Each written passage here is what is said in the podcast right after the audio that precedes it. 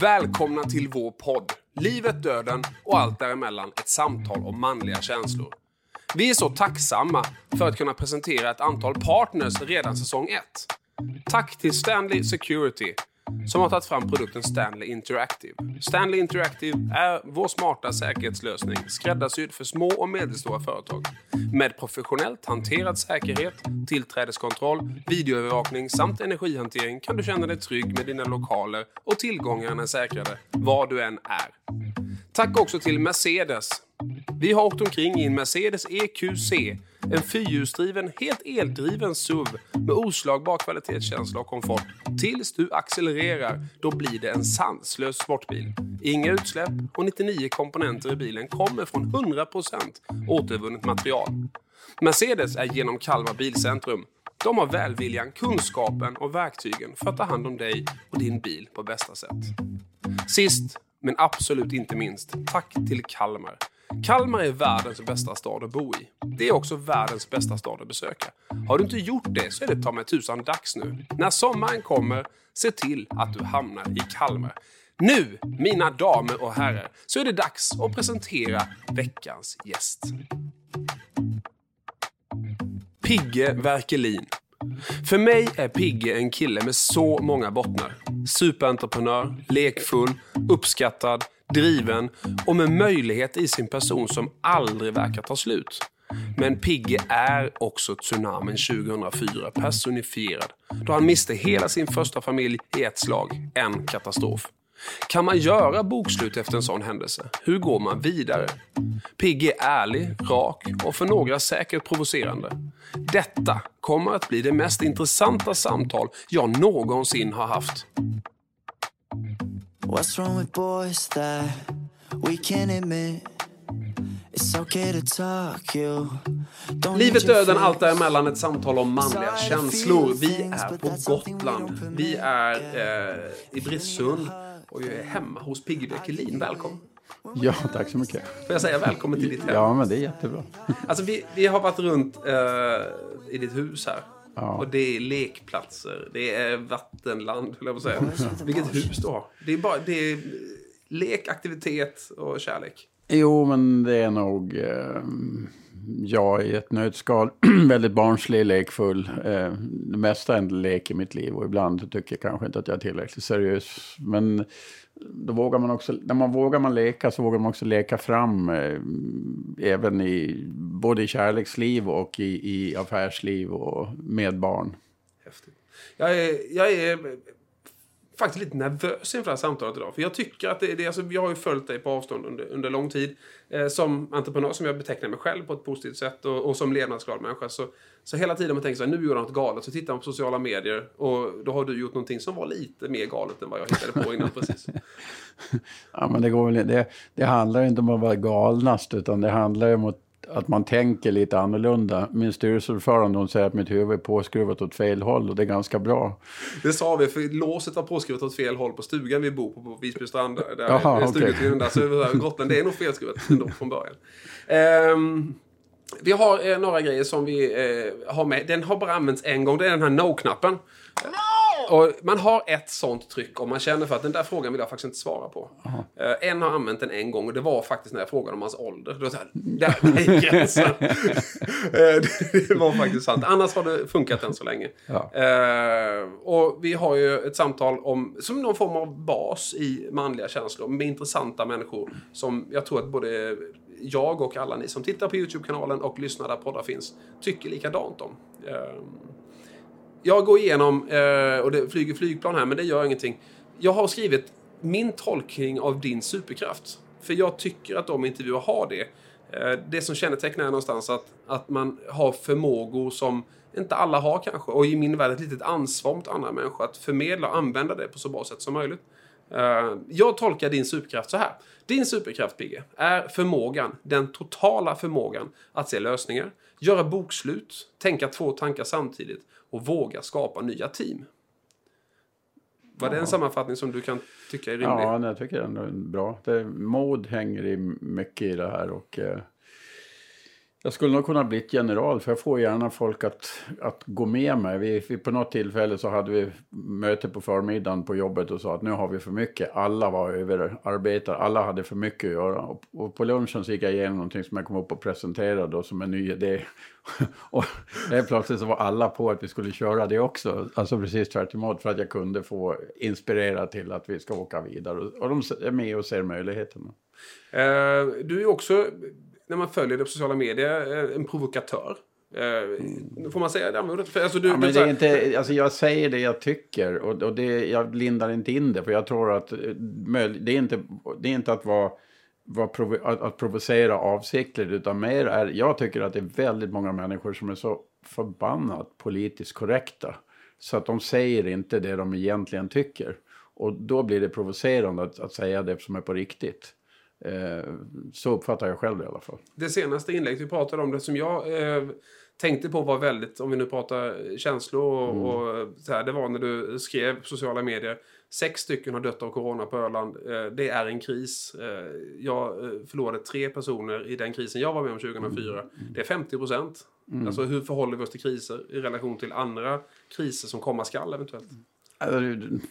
På något vis behöver saker ställas i relationer. Jag, en sak som du missar egentligen där är att jag är dyslektiker och det gör att jag ser saker i bilder och jag pratar i bildspråk. Eh, och jag behöver liksom ofta ha det där att ställa saker i relation till varandra och jämföra grejer. Och, och då kan det liksom på något vis bli lite sådana här aha-känslor. Nu stänger vi ner hela Gotland. Eh, och det som har hänt är att sex personer har dött. Varav de flesta är ganska gamla och man är i livets slutskede. Eh, och det är hemskt, varje dödsfall är hemskt. Men det ingår liksom i den här livskontraktet man har skrivit på en gång i tiden. Även det står finstilt att vi ska dö en dag. Och, och vi är så förbannat rädda för att dö. Att, att så fort man drar dödskortet då, då, då trumfar man allting. Då finns det ingen som kan prata längre. Men vi måste även prata om det. Då säger man att ett liv har, man kan inte värdera det. Men det, det måste värderas. För, för sviterna utav det här det är att fler kommer dö av självmord på Gotland än vad som har dött hittills av corona inom ett år på grund av det här. Och det måste man liksom lägga ihop. Um, vi kommer komma tillbaka till, uh, liksom, podden heter ju Livet, Döden och allt däremellan. Mm. Så begreppet döden kommer komma tillbaka till ofrånkomligt i, i, i, ett samtal med dig mm. uh, i det här sammanhanget. Uh, jag har skrivit upp en liten punkt i min lilla skissblock här som heter Pigges Bucket 5. Eh, jag ska förklara vad det är för någonting alldeles strax. För sen ska vi gå igenom din fantastiska karriär. Och när man tittar på den så undrar man, kan man upplevt allt det där när man bara är 58? Mm. Uh, och sen så ska vi gå in på topp tre, botten två, som vi gör med alla uh, mm. som vi pratar med. Men vi har idag, jag och Max varit runt lite grann på Gotland, för det är ju tomt här. Mm. Alltså det var 128 personer på Gotlandsbåten igår när vi åkte hit. Det är ju otroligt lite människor. Så vi var uppe på Lummelunda först. Och fick en möjlighet att en pratstund med men de som drifter det och äger det nu, Christian och gänget, mm. Eh, de investerar jättemycket nu. Det var byggarbetare överallt för att göra det bättre. Och sen var vi nere på eh, Krusmyntagården. Eh, de förberedde och jobbade. Det var fem man som rensade i landen där nere och gjorde maximalt för att förbereda. Ett värdskap på Gotland som du har pratat om vet tidigare. Mm. Som är, alltså vi har ju blivit så väl bemötta. Det är ingen som vet vem vi är. Nej. Men nedrans vilket fint bemötande vi har fått när vi varit här. Varför, varför är det så? Alltså, vi, vi, dels har vi tränat på det här sedan 40-talet så att det, våra föräldrar har ju överfört det här till oss som vi överför vidare. Sen har det funnits att eh, vi är vana med sommargäster och det har tidigare varit så när vi hade nattbåtar att man var och hämtade de här kompisarna, vännerna, eh, även sommargäster vid båten eller flyget och levererade tillbaka dem efter man haft hand om dem några dagar och då hade man verkligen hand för de bodde ofta hemma och sen och då har vi någonting som vi har lärt oss som är unikt här och då har vi ett värdskap som är i världsklass. Eh, och det ska vi vara väldigt stolta över och det gör att, att de som kommer till Gotland en gång, de kommer gärna tillbaks. Uh, piggest, piggest bucket five. Om, om du säger så här, okej okay, du har inte varit på Gotland uh, förut och du ska uppleva fem saker. Mm. Uh, vad ska man uppleva då? Fårö är ju en, en sån här del. Uh, Chulai tycker jag att man ska ut och se. Eh, Djurgården är ett pittoreskt mysigt samhälle. Jag är ju själv ifrån Bursvik så södra Gotland är ju också en sån här del som, som eh, är väldigt mysigt. Och sen så ska man kontakta och Markusson så ska man köra enduro på Gotland. Det, Ja, det är så. helt galet bra. Så att de där bucket, jag kommer be om dem sen skriftligt så ska vi lägga ut det Mm. till, så att alla får ta del av de där Piggest Bucket 5 tycker jag. Besöka Gotland. Ehm, som barn, vi ska prata om dig som, som person tänker jag säga. Men sälja tidningar, färgkön, sk, eh, skolgången, dyslexi, eh, sälja frallor, starta disco. Alltså bli konsertarrangör, eh, hyra engelska dubbdäckare. Nu är du inte 20 än. När man har börjat berätta mm. vad du gjort innan dess. Eh, hur var du som barn, ungdom, som person och som kille liksom? Jag, ehm, jag, jag, jag minns inte så mycket, men när jag gifte om mig här så, så funkade inte jag riktigt med Monikas äldste son. Så då frågade min mamma hur jag var. Och då sa hon så här, du hade så mycket för dig. Du sålde och köpte, du grejade hela tiden så att du märktes knappt liksom. Men eh, skolgången var ju helt kass. Jag, jag var ju sämst i de mesta ämnena utom matte och gymnastik. Eh, gillade det här med att alltså, göra prylar hela tiden. Eh, jag blev svensk mopedmästare, eller två i Sverige. Det var liksom jätteviktigt när jag var med och tävlade att jag skulle vinna. Jag var näst bäst på Gotland i, i, i, i pingis. Och när man var med i någonting så skulle det vara, vara bra där. När jag sålde tidningar så skulle jag vara bäst på det här. Alltså det fanns det, tävlings, jag väldigt mycket Jag kunde inte gå i trappor jämte någon utan att jag skulle vara först upp liksom så här. Så att det, den fanns väl där. Och sen, sen har jag testat grejer och jag vill, jag vill gå tillbaka till, till min dyslexi och säga det att jag lärde mig i skolan att det inte var farligt att göra fel. Och, och jag var inte rädd för att göra fel. Så det, det passar ju perfekt på en entreprenör att, att, vara, att inte vara rädd. Om man, om, och, och, och det är tack vare den delen. Och sen när jag inte var så bra på, på, på att skriva så har jag istället pratat i bilder. Jag målar upp bilder, jag ser bilder och, och jag ser ganska långt fram saker och ting. Jag ser det i två eller tre steg var det tar vägen. Och det är väl någonting som jag tränar på. Jag brukar säga att man går som i en, eh, i en spiraltrapp hela tiden. Och så tar man ett litet steg och så tar man ett litet steg. För det var ju inget bra att ta det första steget och inte det andra och tredje. Och till slut befinner man sig väldigt, väldigt högt upp. Och man utmanar hela tiden. Jag brukar säga, eh, använda begreppet i den här podden roadmap. Alltså att en del ser bara kartan framför sig innan det har hänt liksom. Och sen så lägger man väldigt mycket av tiden på att förklara kartbilden som en övertygelse för dig. Eh, kan du känna igen dig i den liksom? Ja men så är det. Jag har, jag har, jag har jobbat ihop med en serietecknare hela mitt liv. Och jag har sagt när han slutar måste jag sluta. Och han har nu slutat så jag har ett jätteproblem. Jag måste hitta en ny som kan hjälpa mig att teckna. Men han målar alla bilder. Jag, jag, jag ritar sådana streckgubbar och, så- och så pekar jag. Ibland tar jag med en till platsen och pekar så här ska det vara. Och så blir det här, växer fram. Och då kan jag visa, då kan jag visa alla som ska vara med hur det ska vara. Och så förklarar jag det där. Med ganska mycket inlevelse tror jag. Hur, eh, hur var dina föräldrar i skolgången? Alltså utifrån ditt, eh, alltså svårigheterna? Ja, pappa, pappa? Var ju pappa var ju skollärare men ganska frånvarande eh, entreprenör. Och mamma var egentligen den största entreprenören i familjen och eh, väldigt eh, närvarande.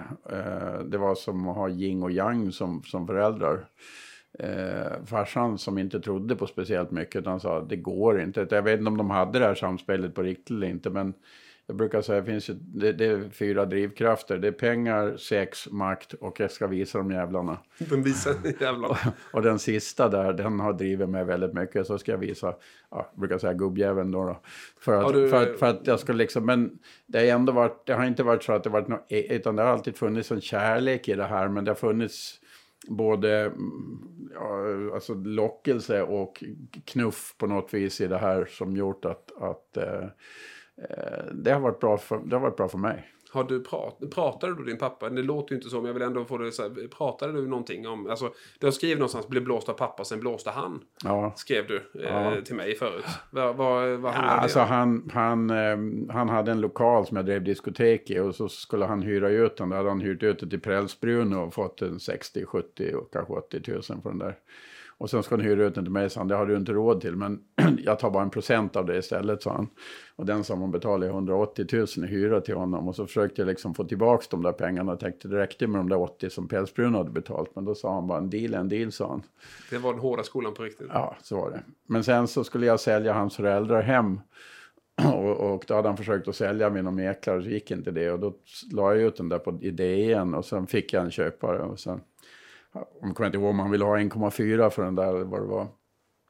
Och eh, så att då sålde den för 1,5 och så skickade jag med min segelbåt som var en liksom trasig segelbåt med trasig mast. Så när, han, när jag redovisade för honom så sa jag så här att ja men här får du 1,4, men det står 1,5 här. Ja men jag sålde med min båt. Din båt, sa han. Fick du 100 000 för båten? Ja, kan du tänka dig det?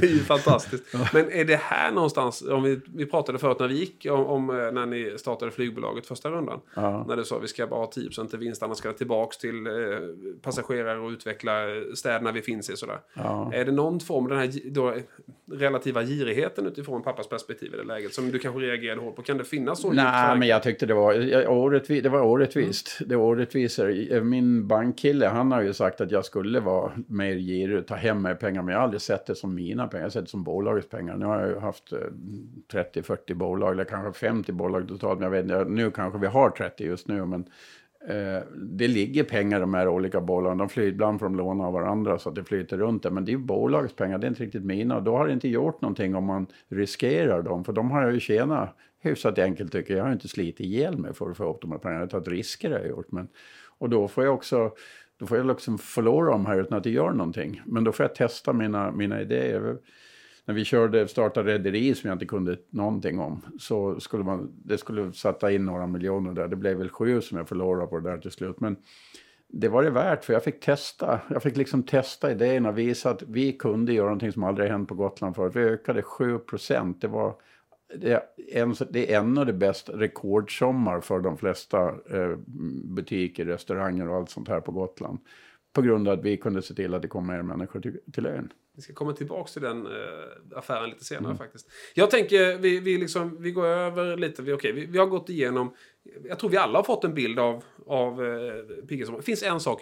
Spelade du fotboll och sånt? Var du en lagspelare någonstans där också? Eller var det pingis, en du? Alltså var ja, jag spel, jag, jag, när, när jag var åtta år, -huh. kanske nio, så ville inte jag vara med i något annat lag. För då startade jag ett eget lag. Naturligtvis. Ja, och eh, då sålde jag namnrättigheterna till en, till, ett, till en restaurang som heter Jakob Dubbe. Så att laget hette Dubbe BK. Och de, de står för tröjorna. Och så hade vi en skåning som var tränare där. Hur var du, sista bara ungdomsåren, hur, hur såg andra killar på dig? Kommer du, alltså, har du någon bild av det? Hur, hur, hur var liksom... Eh... Vi spelade, jag var, jag, var, jag var duktig på boll och det har jag liksom haft med mig hela tiden. Jag var ju kass i skolan så jag, jag kom ju till Visby från landet, kände ingen, de andra var ju kompisar redan. Så jag hamnade lite snett i början men det, det, jag blev accepterad tack vare att jag kunde lira fotboll mm. framförallt. Eh, en, jag, jag, var, jag, var aldrig med, jag var inte med i, skol, i, i något klubblag i basket, men jag blev ändå uttagen i skollaget till, till många av de här killarna som spelade i klubblagen som var för sura, för jag kunde inte en gång alla regler. Så att det var ju... Men du gjorde skillnad? ja, ja jag, jag, jag liksom tillförde någonting och fick vara med. Eh, jag var ju minst jag var ju minst i klassen fram till jag, i gymnasiet någonstans i ettan eller tvåan där så växte jag i fatt liksom. Men innan dess så var jag ju minst, jag var ju jätteliten. Det är så många som delar de där känslorna tror jag. Det är så många som har så olika mm. aspekter på det. Ja, det är intressant. Jag var väldigt lång tidigt. Det var inte mm. så jävla spännande det heller alltid. Och någonstans möts man. Det är alltid någon som vill gå upp i vikt, någon som vill gå ner i vikt. Det är alltid någon som vill bli längre, någon som vill bli kortare. Eller kan man bara välja och faktiskt gilla det man är. Eh, det är en enkel sanning tror jag. Topp tre brukar vi prata om. Uh, och då börjar jag med punkt ett. Jag tror att det var utan inbördes ordning här, mm. men vi, vi, kan väl ändå ta punkt ett. Ulrika sa ja, min första fru. Skrev du som topp ett. Kan du berätta, kan du ta tillbaka till den tiden? Ja, på något vis. Jag träffade ju den här kvinnan som på något vis raggade upp mig i Göteborg. Och eh, jag var väl ett one night stand för henne. Eh, och blev hemkörd dagen efter och eh, dumpad lite grann sådär och frågade om hennes telefonnummer och hon sa väl i stort sett, det står i telefonkatalogen i Göteborg. Och vad heter det då? Det står där också. och så var det liksom dropp där. Sen skulle vi på fest på, på, på natten och då var vi på någon stor lastbåt. Eh, det var någon 70-talsfest. Min bror var diskjockey och jag vägde väl en 8-10 kilo mer än honom. Och han hade en väldigt slimmad eh, overall, sån här glittrig sak som var ja, såg ut på 70-talet. Så jag tog på mig den där, såg ut som ett korvskinn som, som inte riktigt passade utan det frös ut lite grann. Och så var jag på den här festen, klockan 12 någonstans så tyckte jag det var tråkigt på festen när jag tänkte på den här tjejen kvällen innan. Så jag gick helt sonika ut på gatan och tog en taxi och åkte två och en halv mil utanför Göteborg till ett ställe som jag trodde det var till ett radhusområde som jag trodde att det var. Och så hittade jag till slut ett radhus som jag trodde att det var. Och Då klockan ett på natten. Och precis när jag ringer på så slår det mig att jag frågar inte henne om hon hade någon kille sen tidigare. Så när jag ringer på så öppnar en snubbe där som är... Han står högt upp så för mig var han mycket större än mig och kanske han inte var. Och eh, han bara tittar på mig jättekonstigt. Du som ser saker i bilder, alltså jag ser den bilden. Och då, då, då, så tittar man på mig och så frågar du ursäkta men bor Ulrika här? Så, då vänder han sig om så här. Ulrika, Gary Glitter är här. Men eh, jag lockade, det blev en natt till med henne och sen så skrev jag en massa brev till henne och lyckades få henne till Gotland i alla fall. Och eh, jag, jag har aldrig haft eh, någon stil med kläder och sådär. Hon var ju designer och, och nej, otroligt vacker kvinna med, med stil och finess och så här. Så att jag åker hem till henne på flyget. Vi åker ut till Kneippbyn. Och hon det första hon säger, herre Jesus. Ska vi in på ett sommarland? Har jag träffat en Bert? och, och, sen så eh, på kvällen så då plockar hon fram levande hummer i sin väska, visste jag knappt vad det var.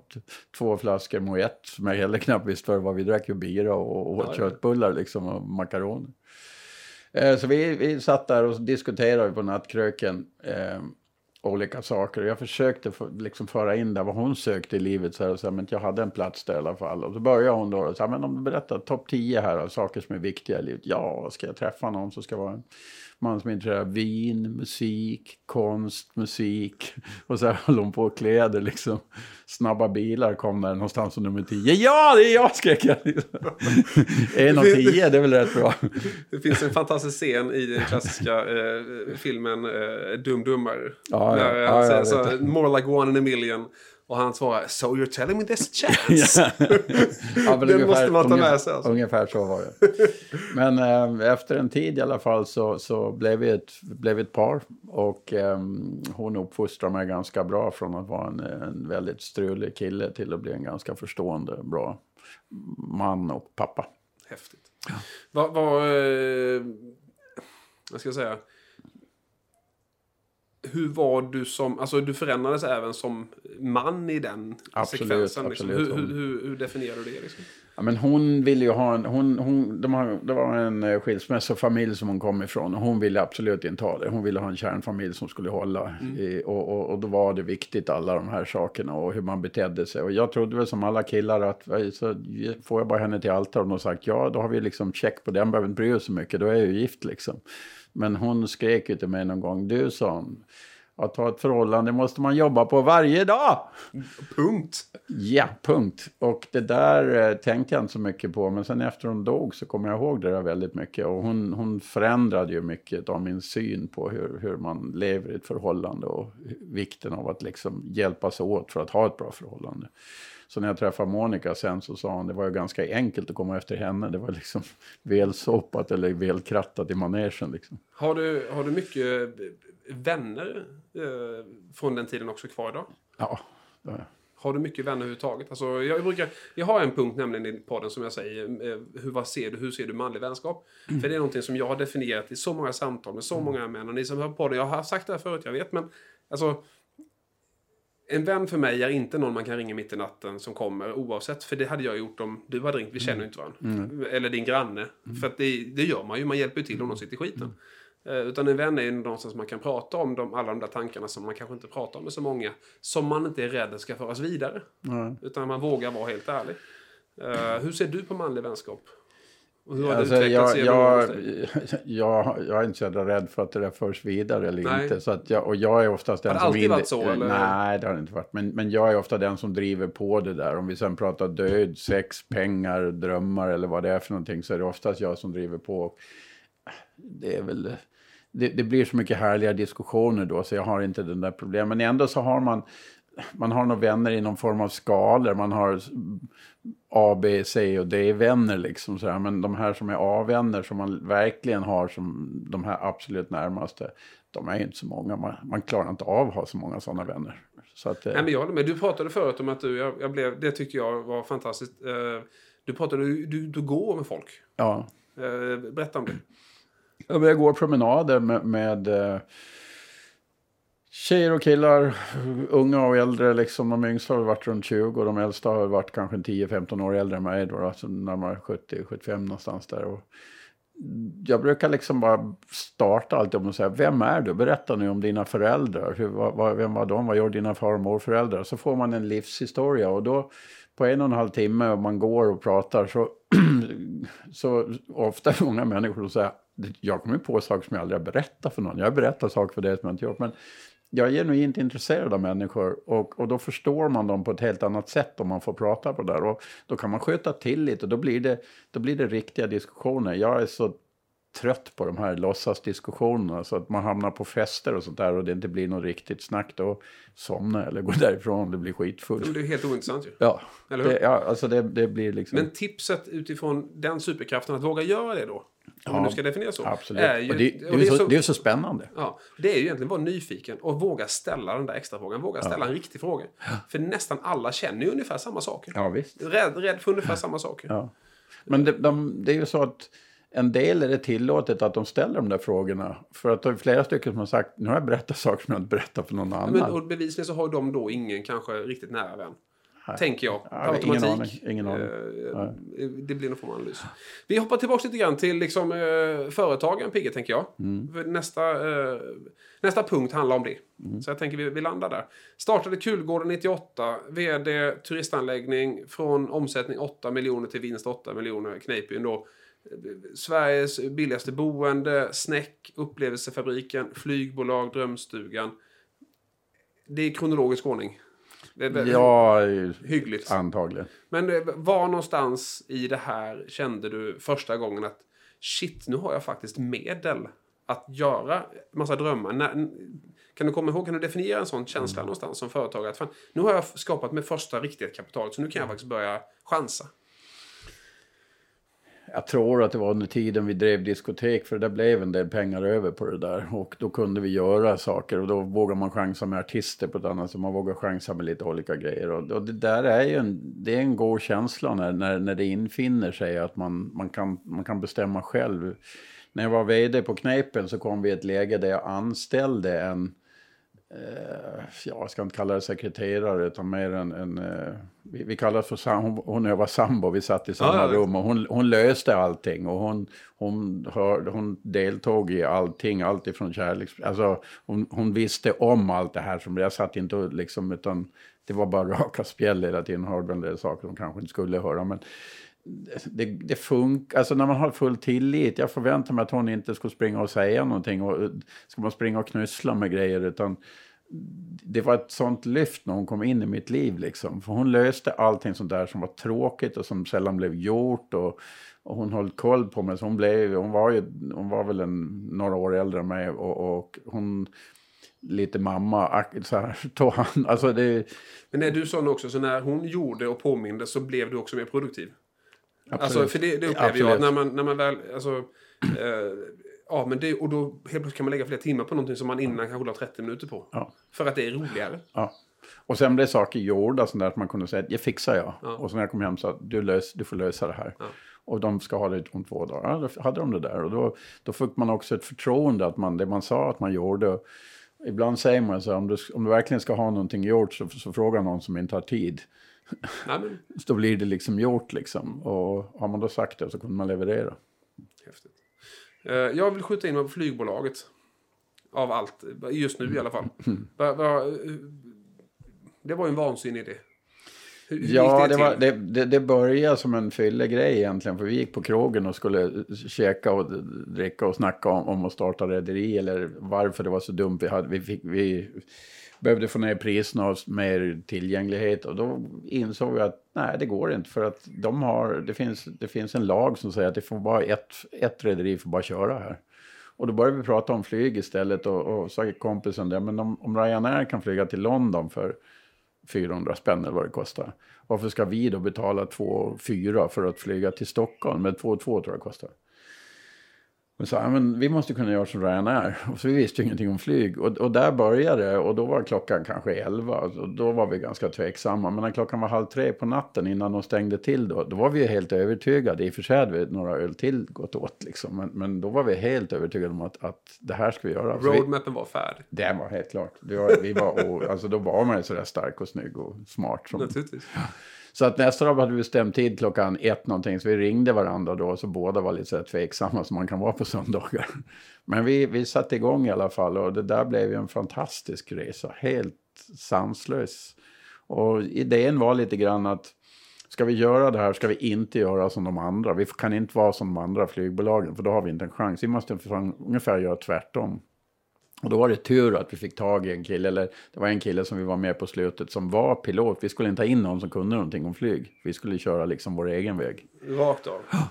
Och eh, då fattades det en miljon och eh, han satte in den miljonen så han blev med. Och det var då antagligen en av de här riktigt genialiska grejerna att ta in någon som kunde någonting om flyg. För att varje gång vi inte förstod hur vi skulle göra, då sa vi det. Janne nu, ska vi gå till vänster eller ska vi gå till höger?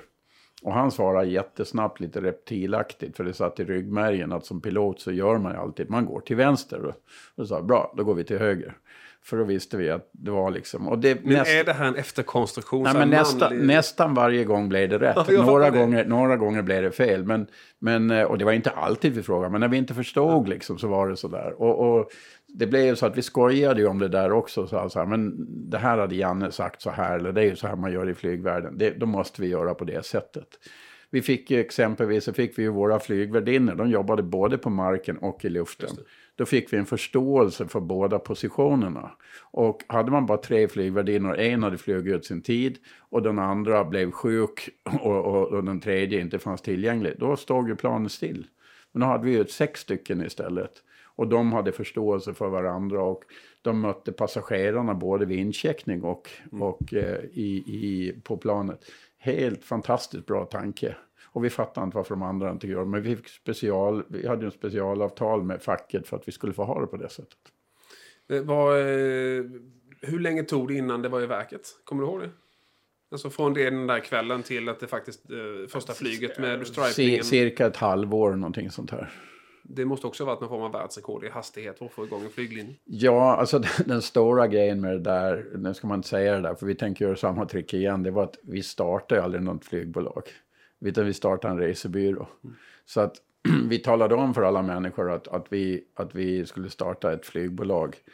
Och eh, sen köpte vi, då hade vi inte pengar, nu har vi, nu har vi en helt annan kassa, men då hade vi inte pengar till mer än att han som hade som eget flygbolag, han sa att ni får betala in en veckas flygning på måndagen.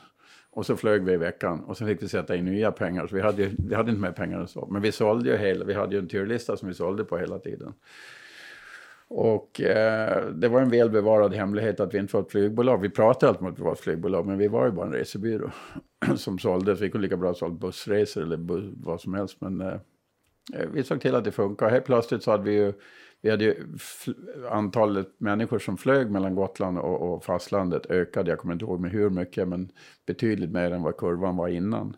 Och priserna gick ner eh, betydligt. Och, och idén var ju där att varje gång som vi kunde sänka priserna så ökar vi kabinfaktorn. Och då ökar vi egentligen vinsterna hela tiden. Och det var inte konstigare än så. Häftigt. Botten 3 då? Har du skrivit istället för botten 2. Blåst av en kompis som ville sänka flygbolaget. Mm. Berätta. Ja, det var ju samma, det var ju samma flygkille. Det. det var, han fick ju en sån här hybris att eh, han, skulle, han, han tyckte en dag att nu var bolaget värt så mycket det kunde och då ville han ur det och så ville han att vi skulle lösa ut det där. Vi hade inga pengar till det. Och, och eh, vi fick fram en investerare men de kunde inte komma överens så att då gick det inte. Och då gick han till ett företag som eh, heter Provocare som sysslar med att Eh, egent, egentligen går deras idé ut på om man har någonting som är värt 100 och så är det en som äger 10,5 vilket han ägde och de andra äger då eh, 89,5. Så säger de så här, nu tänker vi förstöra bolaget så att det liksom, det är inte värt någonting. Vi förlorar bara 10,5, ni förlorar 89,5. Men om ni betalar 20 för våra 10,5 så slipper ni det här, då kommer ni vinna på det här. Och så gjorde de allt vad de kunde för att förstöra det inifrån. Och då fick vi ta in en, eh, vi fick ta in en brandväg, en människa som bara satt och parerade dem hela tiden. Eh, och så höll vi på i fem år. Och det, de där, de kommer alltid att vinna. För de har bara tiden på sin sida till slut så tröttnar alla. Så fort det var julafton, nyårsafton, och annat, då hände det någonting. Då var vi tvungna att kalla ihop styrelsen. Så det var ingen som ville sitta i vår styrelse. Ingen ville vara vd. Allt var liksom upplagt för att förstöra. Det var något så destruktivt och tråkigt. För vi hade egentligen en succé och det var anledningen till att vi till slut sålde bolaget. För det gick inte. Så vi höll ju ut i fem år men sen gick det inte längre. Och det var på grund av det här och det var verkligen ett bottenmärke. Vad, vad, eh, det var ju inte bara en kollega då, för bevisligen så var det en väldigt nära vän som... Absolut, alltså, han var till och med granne här. Har ni en relation idag? Inte alls. Han, han, uh, han uh, insåg nog att han inte var så poppis så att han lämnade ön. Men han, han fick ju ett par miljoner till med sig i, i, i bagaget. Och för vissa är ju pengarna betyder ju, betyder ju så mycket. Mm jag tänker att vi hoppar faktiskt ner till punkten eh, när jag miste min familj i tsunami 2004. För att sen kunna gå vidare med framtiden så att säga. Mm. Va, va, eh, du har ju pratat om det här oändligt mycket gånger. Mm. Du har berättat sagan, och, eller sagan, du har berättat den här historien mm. uh, oändligt många gånger. För det är ju som att det är en fabulerad historia nästan när man tittar utifrån. Jag lyssnade på min egen ljudbok som jag gjorde för något år sedan. Och då kom jag på mig själv och tänka att det där hade jag aldrig klarat av. Nej. Så att det var ju det som om det är fabulerat och påhittat. Och det var därför till, jag till, och till och med för mig var det det. Ja, men det var därför jag ja. saga. För det blir liksom en... Det, det, det blir en orimlighet. Ja. Uh, har du kraft att bara... För det finns ju ändå fortfarande... Alltså, det kommer nya generationer. Mm. Det kommer nya människor som, mm. som kanske behöver höra. Uh, det kommer nya unga män som... Mm. som uh, alltså, ta oss tillbaka den där jävla julhelgen. Eh, ja, vi, det här var ju på jul, julafton. Det här var ju... Eh, vi, på julafton sitter vi, eller var det på juldagen vi satt där julafton sitter vi på, på en strand och, och, har det så bra och, och beställer champagne eh, och ungarna leker och letar krabbor på stranden. Vi står så ensamma och de, han hade ingen så han tog sin moppe och åkte iväg och hämtade. Vi satt bara där, det var sådär, man sa att så här bra blir det nästan inte. Och sen två dygn, eller ett dygn senare i stort sett så eh, kommer den här vågen in och eh, man hamnar mitt i någonting. Och i, i i det här huset då, tre månader innan, så ligger jag inne på golvet och leker med ungarna. Och så ropar min fru och så säger han, du, det finns någonting som heter kolack här. Hon i andra sidan säger att eh, det där, det är jättebra för familjer. Och jag kan se hur det här, hur vi flyttades på olika sätt. Vi hade helt andra planer. Den här kvinnan som tyckte att vi skulle åka dit. Beslut vi tog, vi skulle åka till hennes föräldrar, eventuellt på jul. Vi var bjudna till Sydafrika på en grej, men vi tackade nej för vi skulle, vi drogs närmare och närmare den här i Kolak. Och när vi väl kommer dit på, tidigt på morgonen så skulle vi flytta in på ett hotell som ligger 50-60 meter upp i, i, ovanför vattenytan. Hade vi bott där hade det inte varit något problem. Men jag tyckte det var för högt för barnen, för de var så killar som klättrar på allting. Det kändes så otrevligt. Så vi åkte ner på stranden och jag hittar en liten familj, en nybyggd familjeresort som eh, eh, vi tar in på. Och eh, Ulrika åker upp och hämtar väskorna och skulle checka ut. Liksom. Hon bara åker och hämtar väskorna och tar inte betalt, hämtar inte ut pengarna. Eh, och det var liksom, nej men fan vi lever ju nu. Liksom. Och så kom hon ner och Eh, jag, går in, jag går in och bär in grejerna och lägger mig på sängen och så kommer hon inskrikande att det händer någonting med havet. Så jag springer ut och tar med mig en, en videokamera faktiskt. Står och filmar hur allt vatten försvinner. Det blir ett baksug först och sen bara kommer allt vattnet in. Eh, och när vattnet kommer in så skriker de att, att eh, det här är farligt och springer upp två våningar i en, i en liten bungalow. Och jag står nere och så skriker de, kom upp här för när vattnet börjar komma in tänkte jag, så, det, var inte, det var inte den här vågen som folk pratade om, utan det bara kom mer och mer vatten i en väldig hastighet. Till slut sprängs huset i, i, i bitar och det sista jag, det sista jag ser det är att, att min, min fru då har den ena grabben i, eh, i handen och ljudet var så högt så det var som en jetmotor. Det gick inte att höra någonting. Men jag såg i ögonen på honom. såg ut som en, jag brukar säga, en tigerhona som sa att det här kommer jag fixa. Eh, jag ser den bilden framför mig ja. säger det. Eh, och de bara sopas iväg då. Och eh, man vattenmassor som skickar iväg en i en flod i 60 km i timmen. Det, du har inte en chans att göra någonting. Liksom. Det, allting i dess väg sopades undan. Eh, jag hamnar under, jag fastnar under ungefär som en brygga. Och det var det som jag, det enda som jag gjorde som jag kunde påverka mitt liv. Jag, jag försökte gå upp i den där och det var som ett tak ovanför så att du kommer inte upp. Och jag är ganska vattenvan så jag gick ner, kom upp igen, det var stopp, gick ner. Så tre gånger gick jag ner och upp och fjärde gången så kom jag upp och då var ju luften nästan slut. Men hade jag, hade jag fortsatt försökt ta mig upp där, så man, om man haft lite panik då, så hade, hade man inte klarat det. Eh. Sen var det ju, jag fattade en massa beslut i det här. När, när jag väl insåg vad som hade hänt i det här så hade jag bestämt mig för att jag behandlade min familj som död för att det bara skulle kunna bli bättre. Men, alltså, det... när du säger det, för jag bara, jag, jag, hur snabbt tog du det beslutet det själv? Kommer du ihåg det? Ja, alltså jag, hade, jag hade sett ett antal döda kroppar där. Det, det säger att det är... När, vi, när vi hade kommit ner från de här tre, där vi hade tagit oss vidare, så att det är fyra timmar efteråt, då får vi en liten återsamling där det finns bilar som kan köras därifrån. Och då sitter vi i en bil och då sitter det en massa andra som också är drabbade på olika sätt. Och då blir jag tillrättavisad flera gånger i bilen, där, de, där jag säger död och de säger saknad. Eh, men jag ville ha det på den, jag ville ha det lägsta läget, det skulle inte kunna bli så, det skulle bara kunna bli bättre jag var nog den enda som i stort sett var inne på alla sjukhus, eh, även operationssalar sprang jag in och kollade om det var någon av de mina som låg där. Eh, en gång blev jag utslängd från ena hållet och jag mig in på andra vägen för jag skulle bara mm. kolla att det var på det sättet. Men eh, för att jag hade sagt det så fortsatte jag att söka där. Sen var det en massa andra beslut som eh, fattades väldigt snabbt. Men det har någonting med, med min entreprenörsanda, att jag skulle igenom det här. Jag skulle, jag skulle, ha, jag skulle lösa det här. och eh, eh Det fanns ett specif specifikt minne. Det, var, det kom in en... Eh, eh, jag hade råkat i Löven tillsammans med en amerikansk kvinna som, som fanns en polis eh, eller någonting sånt här som vi hade börjat tjafsa lite om vi ville in på en grej och han sa nej. Och då klev hon fram lite för nära och tittade ner på honom och då var det så, då var det ju, eh, då, då skulle vi ur landet i stort sett. Och precis då så kommer det in en sån här eh, bil med limousinbil med flaggor och då var det någon hö, hö, höjdare i den där. Och då såg jag direkt möjligheten i det här att han sitter i baksätet som är höjdan här och så kollade jag om det var han till vänster eller höger och så ställde jag mig precis utanför dörren så han den första han gick på det var mig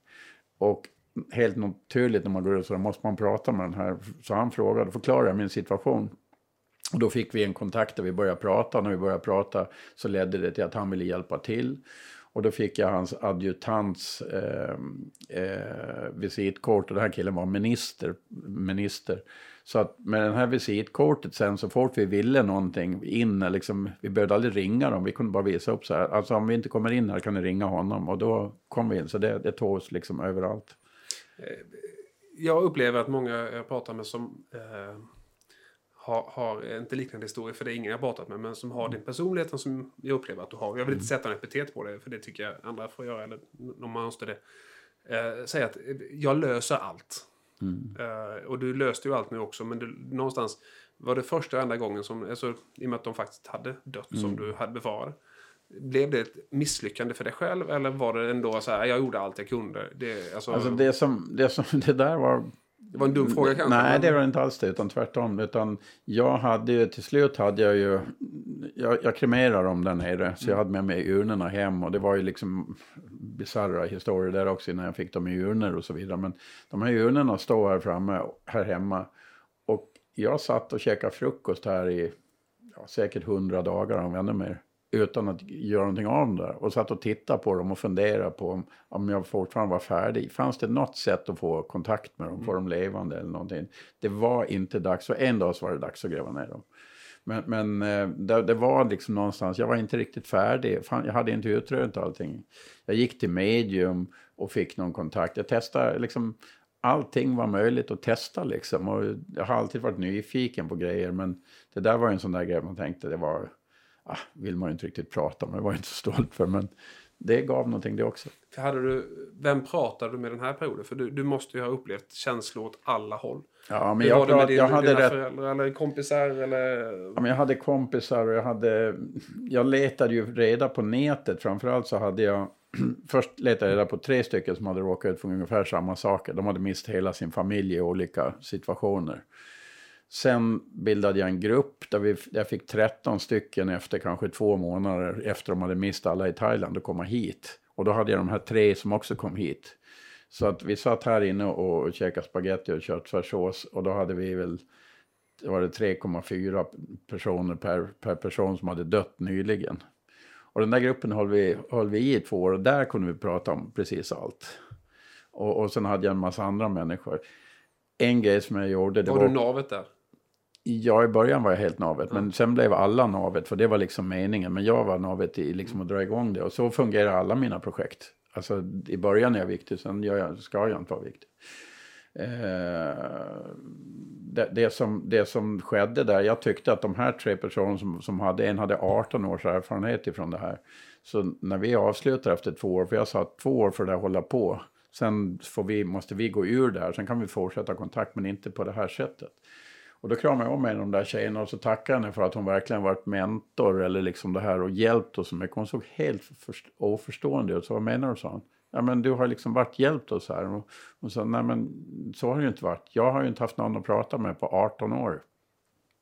Så hon hade haft, hon hade haft samma feeling som oss. Hon, ty hon tyckte inte alls hon hade hjälpt. Utan alla hade hjälpt varandra till självhjälp. Ungefär så som alkoholister hjälper genom ja, att man jag pratar har hört flera eh, av dem vi pratar med den här eh, podden som har kommit i, i olika situationer i livet där man till slut har kommit i en, i en pappagrupp eller i en, en, en terapigrupp av någon annan anledning. Och där man till slut är i ett forum där någon säger, det var en som sa så här, eh, eh, Tom Ivarsson, Jontefonden, mm. som sa till slut så, så vågade någon säga jag har faktiskt önskat livet av min son. Mm. Och alla var föll för mm. det hade alla tänkt, för de hade så ont. Mm. Alltså man säger sanningar som bara kan sägas med likasinnande på något sätt i grunden. Det, det jag gjorde, som jag kom fram till också, när man är drabbad så här, då trumfar man allt på alla och man får en form av, du pratar om superkraft, och den får man vara rädd om att använda, för man kan smeta till vem som helst, hur som helst, och det får man inte göra, för då, då, då blir alla bara rädda för en. Så jag gjorde så att två kompisar skulle lära mig laga mat, så att vi lagade mat eh, en gång i veckan, och så bjöd vi in 8-10 personer, vi drack en del vin och öl, det fanns alltid alkohol med, för det gjorde att det blev lättpratat. Och så berättade jag och så visste jag att någon till i gruppen kunde haka på. Sen fick alla berätta och då uppstod just det här. En gång pratade vi om, om eh, en av tjejerna som jag, som jag visste att hon hade blivit misshandlad av sin kille. Och det, när jag såg direkt när hon berättade, då var det tre till där som man bara såg på dem direkt. Och när, när det blev deras tur att berätta så berättade de precis hur det var också. En av tjejerna, hon gick hem och gjorde slut och kastade ut den här killen. Eller kastade ut, såg till att han försvann i alla fall. Jag... Eh, Eh jag måste få dra en parallell. Jag, jag får träna en massa killar i fotboll och innebandy. Mm. 50 eh, stycken ungefär. Jag är så himla glad för det. För jag har fått följa dem från väldigt unga år och uppåt. Mm. Och sen så, vi åkte på väldigt mycket läger. Vi var bland annat på Gotland faktiskt när jag var åtta år. 18 stycken på kompisläger. Mm. Eh, det var ett äventyr jag aldrig om igen. Men det var fantastiskt roligt att ha gjort det istället. Vi hade ingen fotboll med oss, ingenting. Utan vi åkte bara och lekte i fyra dygn. Liksom. Det, det är teambuilding. Kul som tusan. Eh, men en av de killarna eh, fick leukemi. Eh, mm. Och eh, var borta ett år. Och sen så vart han nästan eh, friskförklarad igen. Mm. Och sen så skulle vi på en kupp till Jönköping, innebandyn, på fredagen. Klockan ett hade detta ledigt för killarna. Vi skulle åka upp till Jönköping och vara väl förberedda i vanlig ordning. För vi skulle ha liksom, vet, näring och allt sånt där. Mm. Uh, och vid tolv får de i skolan reda på att uh, Maximilian har gått bort.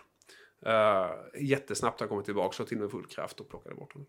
Och jag tänkte, hur, nu ska jag åka iväg med de här killarna i två nätter. Och de har precis reda på det. Då ringde jag Anders Johansson, prästen då i domkyrkoförsamlingen i Kalmar. Och sa så här, hur gör jag? Och då sa han precis det. Du samlar dem ikväll, tänd ett ljus i mitten. Och sen säger han, nu ska alla berätta någonting om Maxe. Maximilian. I och med att han var borta ett år nästan. Så säger han, de kommer inte ihåg honom riktigt. De har kommit ihåg, men de har inte den här djupa kom ihåg. Som du börjar säga, vet ni, jag har lite, alltså, jag kommer inte riktigt hundra procent ihåg Maximilian. Så ska du se vad som händer. Mm. Och sen började jag så.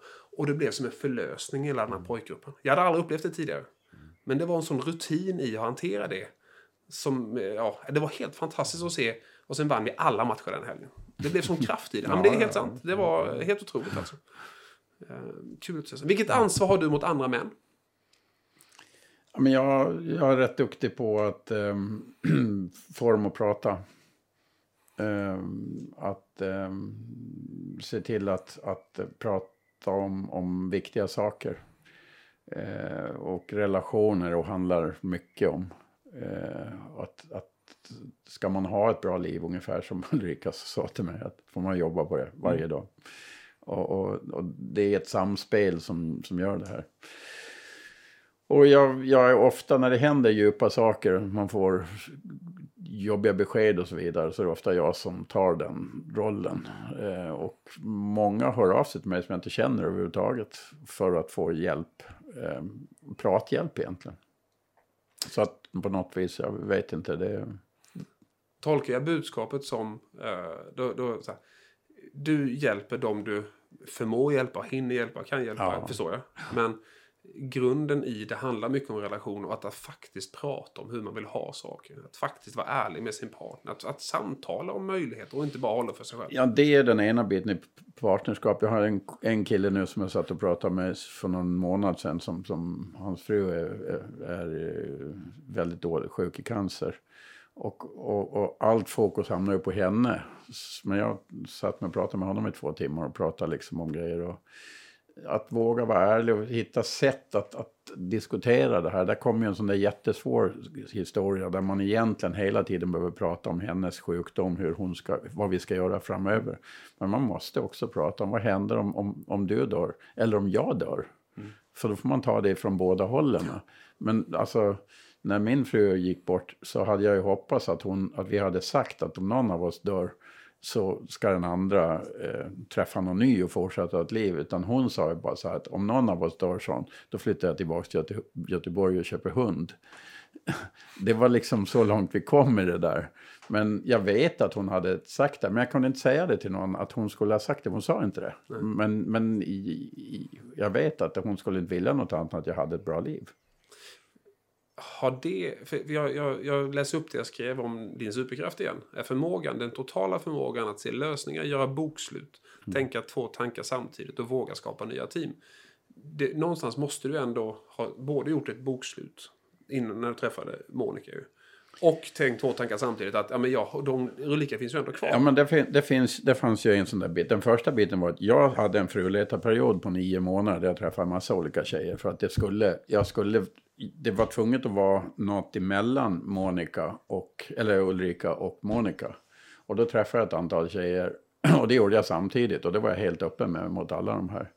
Eh, och, så att där gjordes ett form av bokslut på det. Och ett riktigt bokslut som, som var, det var när jag, jag skulle ha en ny fru, jag skulle ha nya barn. Jag skulle till och med ha två nya killar. Så att vi åkte till, vi åkte till Barcelona för då kunde man sätta in eh, provrör och man kunde könsbestämma. Vilket inte funkar, vilket var en väldig tur för nu blev det mycket bättre. Att det blev liksom inte, annars då hade jag försökt att leva samma liv. Ja. För jag var väldigt inne på det. Jag skulle hitta en fru som påminde om Ulrika och det gör Monica absolut inte. Och, och, jag skulle ha barn som var, alltså alls, jag, skulle bara, jag skulle bara laga till det här på något vis. men, men den dagen som, som vi fick vårt barn nummer två och jag kom hem här eh, på morgonen vid sextiden någonstans här. Då var det verkligen bokslut. Eh, jag kom hem och då står de här urnorna här fortfarande. Nej, det gjorde de inte. Utan det var fotona som stod här. Och jag bara kände hur, nu var, nu var familjen komplett. och då brast det någonting sådär helt fantastiskt. Eh, ja. Det var verkligen ett, om du säger bokslut. Så... Nej, det kanske är fel ord. Men jag, nej, jag... nej, men det var ju det. Alltså det var, eh, bokslut, komma i mål, vad det nu är för någonting. Men det var ju, det var ju komplett det jag skulle göra. Mission. För du skrev ordet komplett i texten till ja, mig. Ja. Alltså du använde ja, ordet komplett. Uh, det, det, ja. För, för, du träffade uh, Monica, du fick uh, Vilda, du fick Tove. och det var ju Tove vi träffade förut här mm. när vi mm. hade en liten stund före. Hon, mm var så stolt över allt. Visa upp. Och enorm gymnast. Jävlar vad volt hon gjorde. vad ni måste ha fått uppleva ihop. Om man följer dig. Jag ska, jag ska, det var ingen fråga, inget påstående heller. Jag, det är bara en bild jag får av dig. För vi känner ju inte varandra. Men, men alltså, jag, jag följer dig och försöker se bakom. Liksom. Ni reser mycket. Ja. Uh, när ni reser så, så vill ni ha roligt tillsammans. Det märks väldigt tydligt. Har det varit Ja. någonting som ni har pratat om från början? För det är maskerader, det är tävlingar, det är volleybollmatcher, det är äventyr, det är... Alltså det, Ja, man, men det, jag, i, i, I Monica så har jag, jag har, jag har både älskarinna och min bästa kompis och barnens, föräldrar, eller, barnens mamma och, och min fru i, i det som ett stort kinderägg liksom. Och, och på något vis så, när, när båda, hon miste ju sin man i, i en olycka, så vi, vi är ju väldigt medvetna om att en dag är det väldigt slut, då är det bara stopp. Eh, och, och, och det kan hända imorgon liksom. Och då är det viktigt att göra en massa kul grejer. Och, det var vi väl väldigt bestämda på. Vi skulle ha barn. Eh, och blev det inga barn då skulle vi åka motorcykel i stort sett runt jorden eh, ett år. Kör Monica motorcykel också? Ja. Eh, så att då var det, det var liksom en tanke. Eh, s- planer har funnits och vi har, vi, vi har ju några sådana här grejer som vi gör. En gång varje månad så har vi en helg som Monica ansvarar för eller jag ansvarar för. Och så är det vuxenhelg som vi kallar det och då är det tid för oss. Eh, så har ju våra kompisar i den här åldern, för deras barn har flyttat ut för länge sedan. Liksom. Och, och då har vi sagt att vi ska ha det. Så barnen bor, de, de vad, ska vi, vad ska vi vara? Så vet de bara liksom att de hamnar någonstans. Men då har de lärt sig att bo borta. Och, eh, och, och det, det, har, det har blivit okej för dem och det är okej för oss. Men det har varit en, det är en viktig del att, att ha det här bestämt. Ehm, och det är en del andra sådana saker som vi har också bestämt. Som, som det bara för att det ska kunna bli ett bra förhållande. Hur är du som pappa idag? Alltså det är jag är inte så bra som pappa egentligen. På vilket sätt då? Nej, men jag, jag fastnar så mycket i mina projekt hela tiden. Så att, eh, eh, och, och sen har vi den delningen att Monica jobbar inte fulltid utan hon tar en mycket större mammaroll. Eh, och då smiter jag undan på massvis av grejer. Eh, jag gillar ju den här lekfulla och busiga grejen men eh, den här skolhistorien med och dels min egen skol, skoltid var ju katastrof. Så jag känner mig inte som någon bra lärare heller. Men, eh, ja. Antar att rätt många föräldrar kanske inte alltid är helt stolta över sitt, sitt som, som förälder. Jag, jag är nog precis som de flesta andra. Fast det är lite intressant för det då kanske du inte reflekterar över sammanhanget. Som jag Mm. väldigt tydlig när, To- när Tove kom in förut.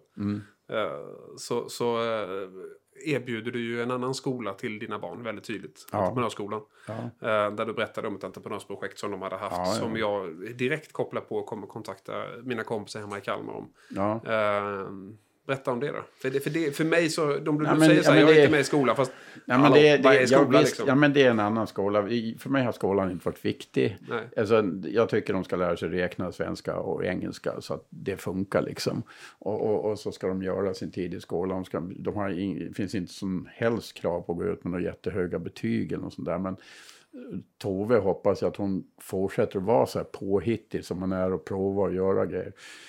De hittade ju på en bokstavsskog. De tyckte man skulle bygga en skog med stora bokstäver som var två meter stora.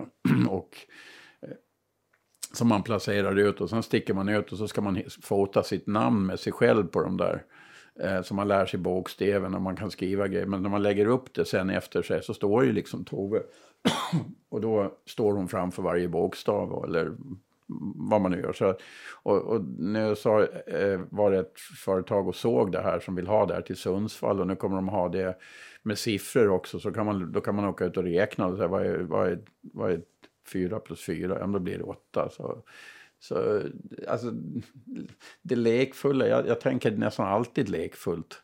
Och ja, du såg vårt hem här så är det lekfullt. Så att på så sätt är det, jag, jag gillar att leka med dem, det är ju helt okej okay, liksom. Men det finns ju, man har väl lite dåligt samvete. Men det, min uppgift är att se till att förbereda dem för när de ska flytta ut. Och, och det ska vi göra, det ska vara lekfullt och kul och de ska ha självförtroende och så vidare. Vilda är en helt annan tjej, hon är eh, väldigt ordningsam och eh, hon, hästar är hennes gebit så hon är ju otrolig med djur. Eh, lite, hon är 12 år, hon är en liten annan variant, duktig på, på, på eh, bollsport med händerna. Där, där sitter det en. Funkar inte med fötterna. Men eh, eh, då hittar man den delen. Men den här lekfulla sportiga grejen, ja, den är kul. Ja, men alltid, alla har ju sin egna personlighet. Jag Ja. har ju fått två eh, bonusbarn och har två Mm. ja, biologiska barn så att säga. Och man, man älskar ju alla fyra på ett Mm. otroligt häftigt sätt. Och alla har ju verkligen sin personlighet. Eh, vi har ju Alex och Nicole också, Ja. familjen. Ja. eh, som är Monica från början. Mm. Har ni bra relationer då? Alex och jag hade ju en katastrofrelation från början. Men den har ju, den har ju nu blivit till en normal relation där vi liksom funkar helt demokratiskt. Nicole har ju varit en sån här perfekt styvdotter som liksom man kan inte önska någonting bättre. Och hon har ju också fungerat som barnens stora systrar och extra mamma. Och nu eh, har hon ju två egna barn så vi är ju mormor och morfar.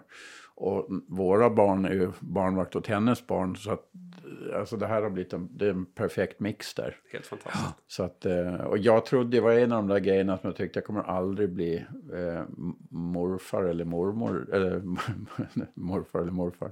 Eller farfar. Eh, men eh, nu har jag blivit det. Ingen bra sån heller för att det är som Monica säger, ska man, ska man bli bra så måste man lägga mycket tid på det. Och det blir, jag, det är andra saker jag prioriterar i livet än så länge. Men, men Monica lägger tid, så jag tycker att vi i vårt, i vårt, vårt sätt att driva familjen AB, så ja, då lägger hon mer tid på, jag lägger mer tid på andra saker. Och jag tror att det är så det, det får fungera i familjer också. Alla familjer har sitt och jag är ganska säker på att det du bidrar med kommer att komma ihåg lika mycket som det andra. Ja. När man gör bokslutet där så småningom. Eh, jag har en fråga som jag ställer till alla också. Och I ditt fall så, så vet jag inte, jag funderar om jag inte skulle ställa den, men jag gör det i alla fall. Eh, söker du lycka eller frid i det du gör? Och i livet? Det är en jättekomplicerad fråga. Lycka men, eh, eller frid? Ja, men jag har ju lycka. Jag, jag har ständig lycka. Och I så fall söker jag nog mer... Eh, börjar söka mer och mer frid. Alltså att, att få stillhet. De här promenaderna är en form av stillhet tycker jag. Eh, när jag får åka motorcykel är det mycket stillhet. Det låter ju inte som det är riktigt. Men, men det, det, det går inte... Mental stillhet. Ja, mental stillhet är det liksom så här. Så att, men lycka, ja, alltså, det, det söker jag på något vis. Det, det är bara en, det, den, den ska bara finnas där. Alltså, jag väljer ju bort saker, jag väljer bort grejer som gör det. Är, är det inte lycka, är det inte kul?